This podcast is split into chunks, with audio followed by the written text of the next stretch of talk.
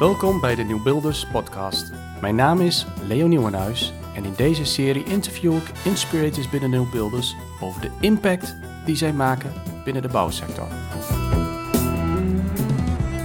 Het is vandaag 26 april en ik mag vandaag in gesprek met Remco de Bruin van Mr. Friendly. En we zitten eigenlijk eh, heerlijk buiten. Uh, bij Van der Valk uh, hebben we afgesproken in, in Apeldoorn. Maar goed, zo kennen wij elkaar eigenlijk ook wel, Remco. Hè? Dat we vooral buiten zijn als we elkaar ontmoeten. Want zo zijn we vorig jaar ook wezen zeilen met nieuwe beelders op, op verschillende boten. En ook, je hebt zelf een zeilboot, dus ja, ook veel buiten geweest. Uh, mooi, uh, dankjewel dat we samen deze podcast gaan opnemen. Um, als je zou vertellen aan de luisteraars ehm, wie, je, wie je eigenlijk bent en waarom dat je met Mr. Freddy begonnen bent. Wat is dan jouw verhaal? Nou, ik ben eigenlijk altijd al ondernemer geweest. vroeger gestudeerd als bedrijfskundig, technisch bedrijfskundig en daarna direct het ondernemerschap ingerold. Um, ja, dat is toch wel wie ik ben. Ondernemer altijd geweest. Je eigen ideeën bedenken. Uh, vandaag iets bedenken, vandaag ook uitrollen. toen de tijd een IT-bedrijf opgebouwd. En die heb ik 2011, 2012 verkocht. Ja, en, en toen kwam eigenlijk een beetje in het grote niets voor mij, even zo. Twee jaar.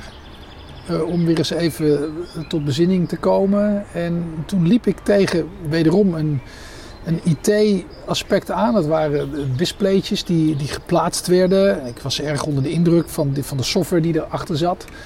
En die displaytjes die werden geplaatst in een waterloos urinoir. Dat was eigenlijk mijn eerste kennismaking met een, een duurzaam, uh, duurzame ontwikkeling. En het, ja, het gekke wil eigenlijk dat ik natuurlijk als ICT-man uh, daarmee aan de slag ging. Maar dat ik juist dat duurzame, dat, dat ding wat ik vast kon pakken, wat geen software was, wat ik al die jaren natuurlijk zo gedaan heb, uh, ontzettend leuk begon te vinden. En in een markt terecht kwam een aantal jaar geleden die nog niet zo ver met duurzaamheid bezig was als dat het nu is. Want het gaat natuurlijk nu wel in sneltreinvaart. Misschien nog steeds te langzaam naar onze ideeën. Maar het gaat wel veel sneller dan, laten we zeggen, vijf, zes jaar geleden. De bewustwording is echt wel gekomen. En um, ik vond het ook wel weer heel leuk om dat op te pakken en dat dan weer beter te maken en dat weer te ontdekken. Dat was voor mij een hele nieuwe wereld. En zo is eigenlijk Mr. Friendly gestart. Dus van, van oudsher een, um, een, een watervrij urinoir met een displaytje erin. Maar dat is later veel meer geworden dan dat. Maar dat was wel mijn eerste kennismaking.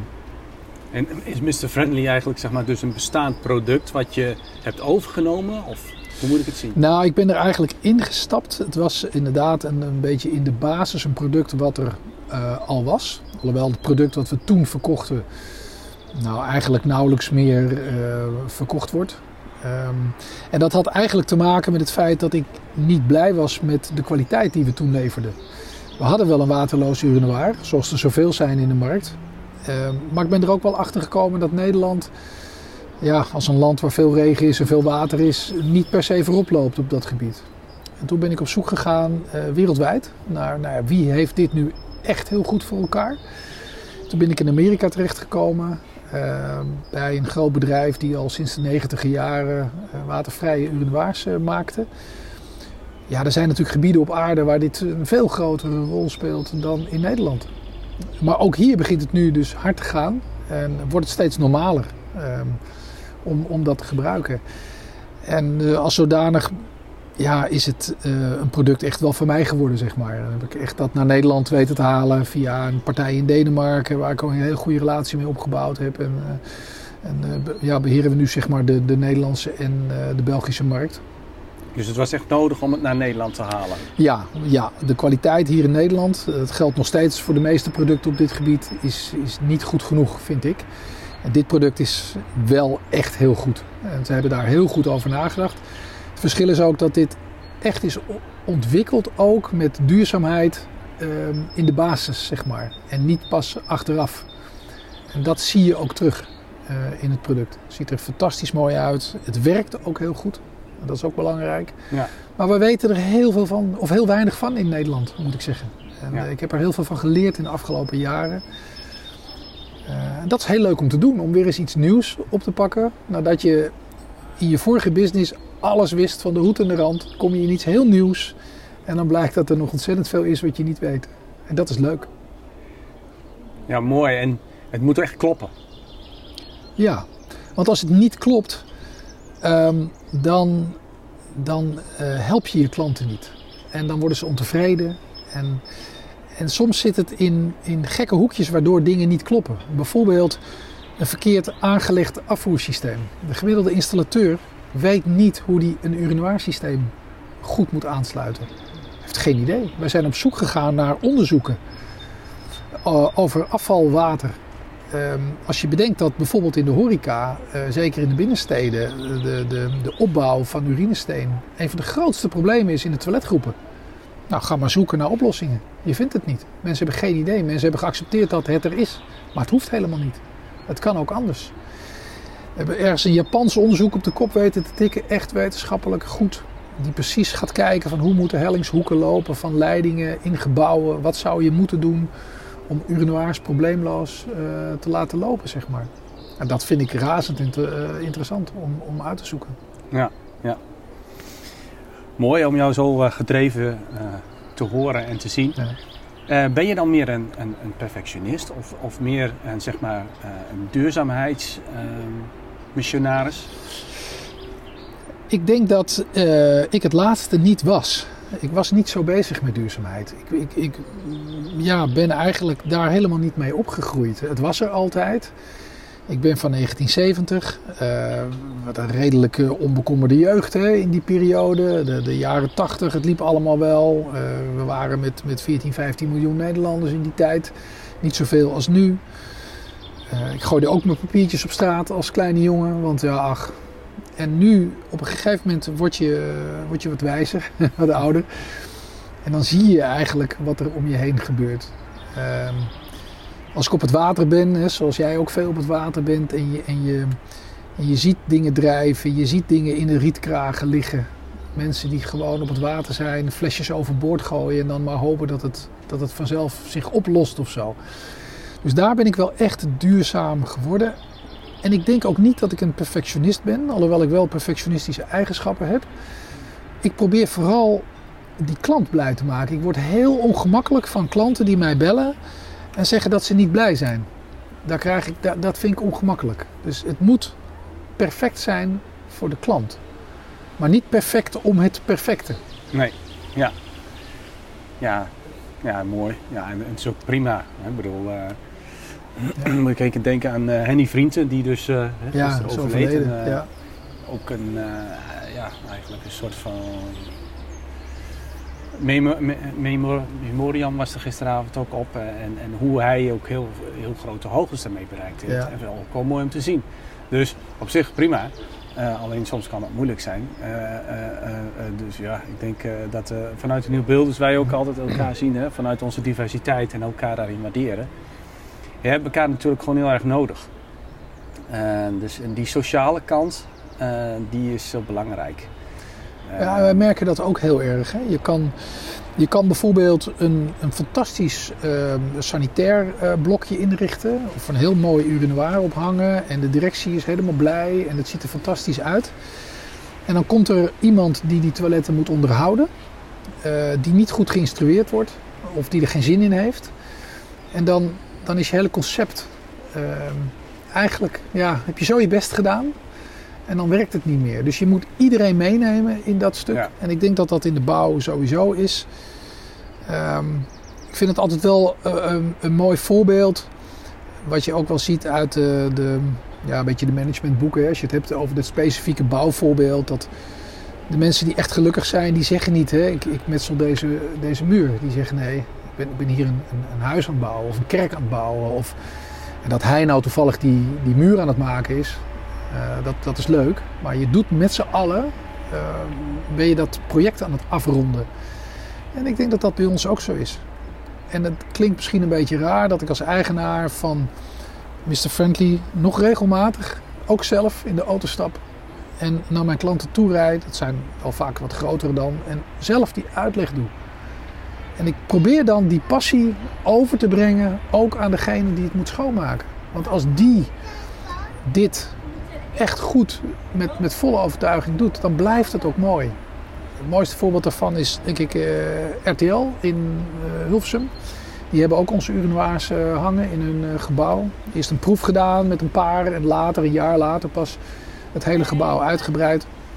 En die hebben een schoonmaker daar. Nou, als iedereen zo iemand in dienst zou hebben die met zoveel passie daar die toiletten staat te doen, dat is ongelooflijk. Daar heb ik echt respect voor. En dus ga ik wel in op wat jij zegt, we hebben iedereen nodig in dat stuk. En die snapt dat hij er geen glorie moet gooien. En die begrijpt dat, je, dat, dat het helemaal, het hele stuk, de hele cirkel moet kloppen om het daar netjes en mooi te houden. Ja, ja. Ja, um, en dan uh, even voordat we op een gegeven moment gaan kijken naar de toekomst van de bouwsector. Hè, want daar uh, richten ja. wij ons de, de, ook in deze podcast op. Um, hoe gaat het nu, vandaag, op deze dag, met wat je doet in die bouw? Ik vind het best wel moeilijk, in alle eerlijkheid. Um, ik was sowieso vergeten, denk ik, als ondernemer hoe moeilijk het eigenlijk is om een eigen zaak te bouwen. Maar ook wel hoe fascinerend het is. Uh, ik was vergeten dat de eerste vijf jaar van mijn onderneming, toen ik 26 of 25 was, zoiets, toen ik startte. Je onthoudt alleen maar de mooie dingen. En, en dat zie ik nu weer. Uh, we zijn een aantal jaren hiermee bezig. En het is best wel heel moeilijk. Als je naar die bouwsector kijkt, uh, met architecten, met installateurs, met, met technische tussenbedrijven, met adviesbureautjes, met de eindbeslissers, uh, die vaak weer niet de gebruikers zijn. Um, ja, het is best wel heel ingewikkeld. En als je dan probeert met iets nieuws de markt te betreden, dan loop je er toch best wel tegenaan. Uh, dat de bouwwereld echt niet altijd klaar voor is uh, om daar mee aan de slag te gaan. Ik vond een mooi voorbeeld, um, Liesplan. Die gingen een nieuw uh, pand neerzetten. En daar is echt vanuit de directie uh, beslist van, joh, wij willen dit deel, dus, dus de toiletten, willen we echt duurzaam. We willen daar duurzame urinoirs bijvoorbeeld naar binnen. Ja, dan zie je dat zo'n installateur bijna verward is van hoe gaan we dat nou doen. En um, ik vond het ook heel sportief en leuk van, van Gabriet, die eigenlijk dat hele project daar gedaan hebben. Dat ze specifiek verwezen naar Mr. Friendly. Van, joh, als je dat echt goed voor elkaar wil hebben, beste installateur, wijk dan op dat gebied even af. Neem niet onze spulletjes, maar en neem de spulletjes van Mr. Friendly. Dat vond ik wel leuk, maar het is een mooi voorbeeld hoe een directie daadwerkelijk invloed kan uitoefenen op, op de eindinstallatie. Ze gingen gewoon niet akkoord met een standaard installatie. En dat vind ik wel mooi en dat zou denk ik meer moeten gebeuren. Maar het is moeilijk om op de juiste plekken terecht te komen, met de juiste mensen in gesprek te gaan. Want ja, sanitair is een grote groep en daar hoor jij dan onder. Maar als je dat niet individueel per ding bekijkt, ja, dan bestel je al gauw datgene wat je kent. Dat is makkelijk, maar niet per se het goedkoopst. Want wij zeggen ook altijd van ja, je hoeft geen waterleidingssystemen aan te leggen, je hoeft geen spoelsystemen aan te leggen. Maar misschien heeft een installateur er wel belang bij om waterleidingen aan te leggen en spoelsystemen aan te leggen en die te onderhouden. En dus daar zie je ook wel weer een belangen, uh, nou ja, balans komen in dat traject. Maar hoe de hazen nou helemaal precies lopen, ik ben er nog steeds niet helemaal uit. Bij kleine bedrijven zeker wel hoor, daar is het makkelijker. Maar bij de grote jongens is het best wel uh, moeilijk. Ja, en iedereen is natuurlijk druk hè? en verandering is ja. uh, ingewikkeld. Ja, en we dus, hebben natuurlijke weerstand tegen verandering natuurlijk. Ja. We weten wat we, wat we hebben. En we weten ja. dat dat goed functioneert binnen, binnen grenzen. En dit is nieuw. Ja. Nou ja, goed, maar daarom is het ook goed dat we deze podcast maken. En um, nou ja, eigenlijk elkaar ook weer een hart onder de riem steken. Dat uh, het een kwestie van doorzetten is.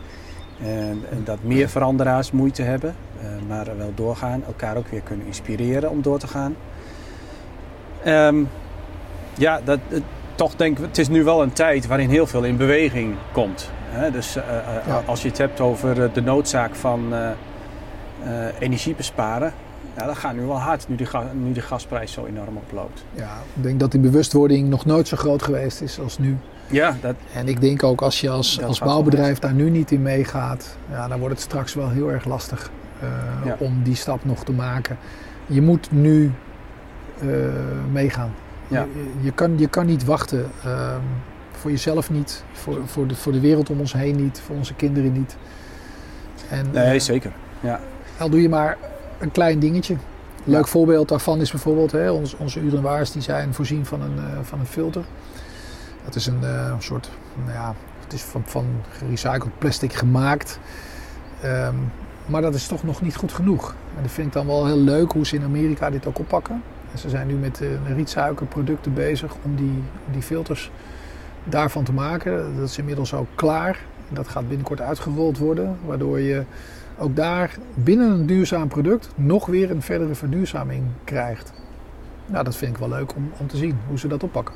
Het kan niet anders of dat de makers en ook de huidige eigenaars van Mr. Friendly in Amerika ook zelf missiegedreven zijn. Ja, dat is wel. Um, ja, er zit natuurlijk. helemaal. Nou, ik kan dat niet helemaal inschatten. Uh, zij doen dit al heel lang. Maar als je al in, in de negentiger jaren met dit product gestart bent, dan, dan voorzag je al dus dat daar wel wat ging gebeuren. Ja. Maar laten we eerlijk zijn, ik bedoel, ik las van de week nog weer een bericht, uh, waar was het, in Chili geloof ik, hè? Um, die grote stad um, die compleet op slot ging voor water. Dat kunnen wij ons in Nederland bijna niet voorstellen. Hè? Daar wordt er gevraagd om je badje even niet te vullen. Maar ook in Nederland hebben we behoorlijke problemen met, uh, met de waterstand uh, in de zomers. Verzilting vanuit zee, een zakkende bodem, zout water dat oprukt, zout water dat steeds verder eigenlijk het land inkomt, waardoor zoetwaterbronnen het lastig krijgen.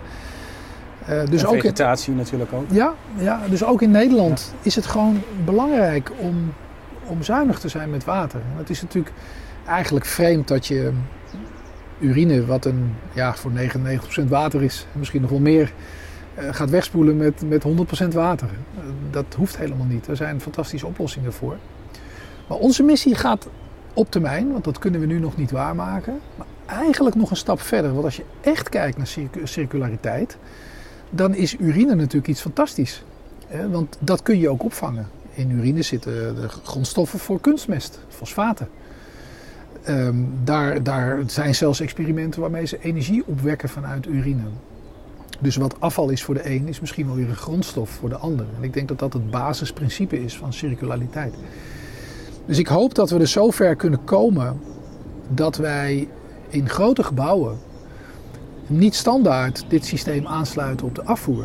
Maar dat we bijvoorbeeld als we een nieuw ziekenhuis neerzetten, want daar speelt dit natuurlijk enorm met dat medicijngebruik en allerlei chemicaliën die daar maar uh, weggespoeld worden. Um, dat je in zo'n ziekenhuis een grote tank geplaatst wordt. En die grote tank heeft gewoon een gevelaansluiting. En jij als zeiler weet dat elke boot van een bepaalde maat altijd voorzien is van een, van een tank. Uh, we mogen dus over een jaar of twee jaar, geloof ik, zoiets, mogen we geen water. Dat mag nu al niet, maar straks uh, kan het ook niet meer, omdat je tanken verzegeld worden. Mag je geen, geen afval meer lozen op open water. Maar we doen het wel elke dag in onze gebouwen.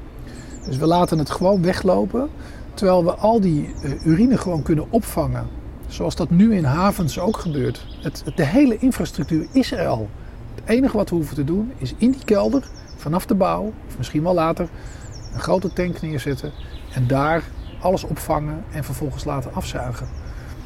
Is echt niet zo ingewikkeld uh, om te doen. En daar zou ik wel uh, nog die volgende stap in willen zetten. Dat we dus niet alleen het water ontkoppelen, maar dat we ook de afvoer ontkoppelen. Ja, dan heb je echt een, een 100% op zichzelf staand systeem. Maar dat is nog een beetje dagdromen, moet ik eerlijk zeggen. En dan de urine gaan gebruiken. Het is natuurlijk wel veel complexer. Ja, want nu uh, kost het je minder energie, want je laat, spoelt alles gewoon weg. Ja. Uh, nou, je verschuift het probleem. Ja, je verschuift het probleem. Dus de, dus de, de, bewustwording is nog niet zo fijn natuurlijk. Ja. Ja, ja, wij vinden dat uh, ja, dan een soort vies of zo. dat moet allemaal zo snel mogelijk met heel veel water weggespoeld worden. Ja. Ik zat hier net in, Van de Valk, gebruikte ik even Natuur Noir. En dan sta je, hebben ze sensoren in het plafond zitten. Um, dus terwijl je één keer gebruik maakt van Natuur Noir, spoelt het ding drie, drie keer. Nou, dat is drie keer drie liter of zoiets. Dus er gaat negen liter water op een plas van een paar honderd milliliter. En, en dat is ja, eigenlijk wel bijzonder. Want dat water, dat wordt vervolgens via een, een pijpleiding afgevoerd. Dat mengt zich met allerlei ander water. Vervolgens moet het gezuiverd worden. Eh, dat heeft dus een behoorlijk proces, wat ook CO2 uh, uitstoot. Maar vervolgens moet het met allerlei pompen en systemen weer teruggevoerd worden naar het kraantje hier bij Van der Valk. En zo gaat het overal. Ja. We, hebben, we, we hebben nog niet van uh, dergelijke maatregelen als in Chili. Nee, nee, nog niet. nee. Dat kennen we hier niet. Maar de, nou, Zuid-Afrika is dit ook heel normaal. Dan, dan, dan, raakt op een gegeven moment die watervoorraad op. Maar ook eilanden, ook de, onze eigen eilanden, uh, daar zijn ze veel bewuster bezig met, met waterbesparing uh, dan in de steden. Ja. Hey, als we zo aan het praten zijn eigenlijk, zeg maar, ook uh, wat weerspiegelingen naar waar je in een verdere toekomst naartoe zou willen. hoe zie jij dan als het over nou, ja, eigenlijk sanitaire voorzieningen gaat? Hoe zie je dan die bouwsector van de toekomst? Ja, ik, ik hoop dat de, de bouw in een breder kader een versnelling gaat laten zien. Als het gaat om uh, duurzaamheid. Zeker natuurlijk ook in, in de sanitaire ruimte. Het gaat daar enerzijds om, om de materialen zelf, maar ook om de manier waarop we met die sanitaire ruimte omgaan. Dus de manier van schoonmaken, agressieve middelen, uh, chloor. Nou ja, je, je kent het allemaal wel. Ook bij de mensen thuis wordt het nog steeds gebruikt. Ik denk dat we daar echt nog een behoorlijke stap kunnen zetten. Uh, maar daarnaast natuurlijk ook dat, ehm, dat we zuiniger omgaan met, met, met water daar in die ruimte. En, maar ook binnen bedrijven, bedrijfsgebouwen en, en thuis in het algemeen. Hè, dat die hele bouw een versnelling laat zien om duurzamer te worden. Dat hoop ik wel dat dat gaat gebeuren. En ik zie dat ook wel, eerlijk gezegd. Ik denk ook dat iedereen zich ervan bewust is, maar dat niet iedereen even snel kan. Ja. Nou, en in deze tijd waarin we dus nu uh, uh, leven, um, zijn er tegelijk ook problemen, leveringsproblemen. Ja, zeker. Uh, we willen ja. graag verduurzamen, maar dan zijn de warmtepompen niet leverbaar omdat er niet voldoende chips zijn. Ja. Ehm, heb je daar ook last van? Ja, wij hebben daar wel last van. We leveren niet alleen um, urinoirs, alhoewel we daar ook leveringsproblemen hadden. Maar die zijn grotendeels wel opgelost. Maar dat had meer te maken met de nieuwe fabriek die neergezet werd. Maar we zien het ook met bouwmaterialen in het algemeen. Wij doen ook wel um, upgrades van sanitaire ruimtes. We verbouwen en, en upgraden sanitaire ruimtes op een, op een hele slimme manier. En daar zie je gewoon dat materialen in sommige opzichten verdubbeld zijn in prijs. Ja, en dat moet je dus toch doorrekenen aan je klant. Dus ik hoop ook wel dat die inflatie een klein beetje, dat daar een beetje de rem op gaat komen. Want op deze manier gaat het wel heel erg hard. Dus daar hebben we zeker last van, van, van de huidige tijd. En ik denk ook wel dat dat ook de verdere verduurzaming weer remt. Want het wordt natuurlijk steeds weer duurder om te verduurzamen. Maar ja, de brandstof wordt ook weer duurder. Dus nou ja, het versnelt dan misschien weer een beetje. Of moet het water nog weer zoveel duurder gemaakt worden? Ja, ik denk wel dat het water in Nederland echt te goedkoop is. Okay. Uh, ik vind dat, dat huishoudens uh, uh, boven een bepaald hoeveelheid cubes die ze gebruiken... een hogere prijs zouden moeten gaan betalen. En, en bedrijven zeker. Normaal gebruik prima, mag laag blijven. Ik denk dat iedereen recht heeft op water. We moeten het mensen niet moeilijker maken dan het is. Maar ja, als mensen er gewoon daar totaal niet op letten en elke dag maar weer doorgaan met die kraan openzetten, dat zou wel verstandig zijn om dat een klein beetje in te perken, denk ik. Ja, ja nou, um, op zich ziet het er toch wel goed uit, omdat de bewustwording aan het toenemen is op dit, uh, op dit Zeker, moment. Ja. En uh, de hogere doelen die ook wereldwijd nu steeds belangrijker worden gemaakt, die, die wijzen wel in dezelfde richting op. Um, wat, wat heb je nodig? Nu, van nieuwbeelders misschien.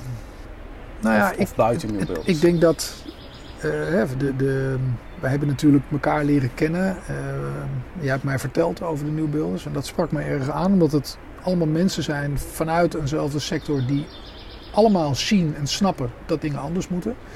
Nou, daar sluit je je sowieso graag uh, bij aan. Um, in een algemene zin, ik denk dat het, wat je met name nodig hebt, is dat mensen bereid zijn om, om te veranderen en te vernieuwen. En zien dat, dat het nodig is op dit moment. Meer veranderkracht, ja. meer, meer uh, veerkracht, wendkracht. Nog meer bewustwording.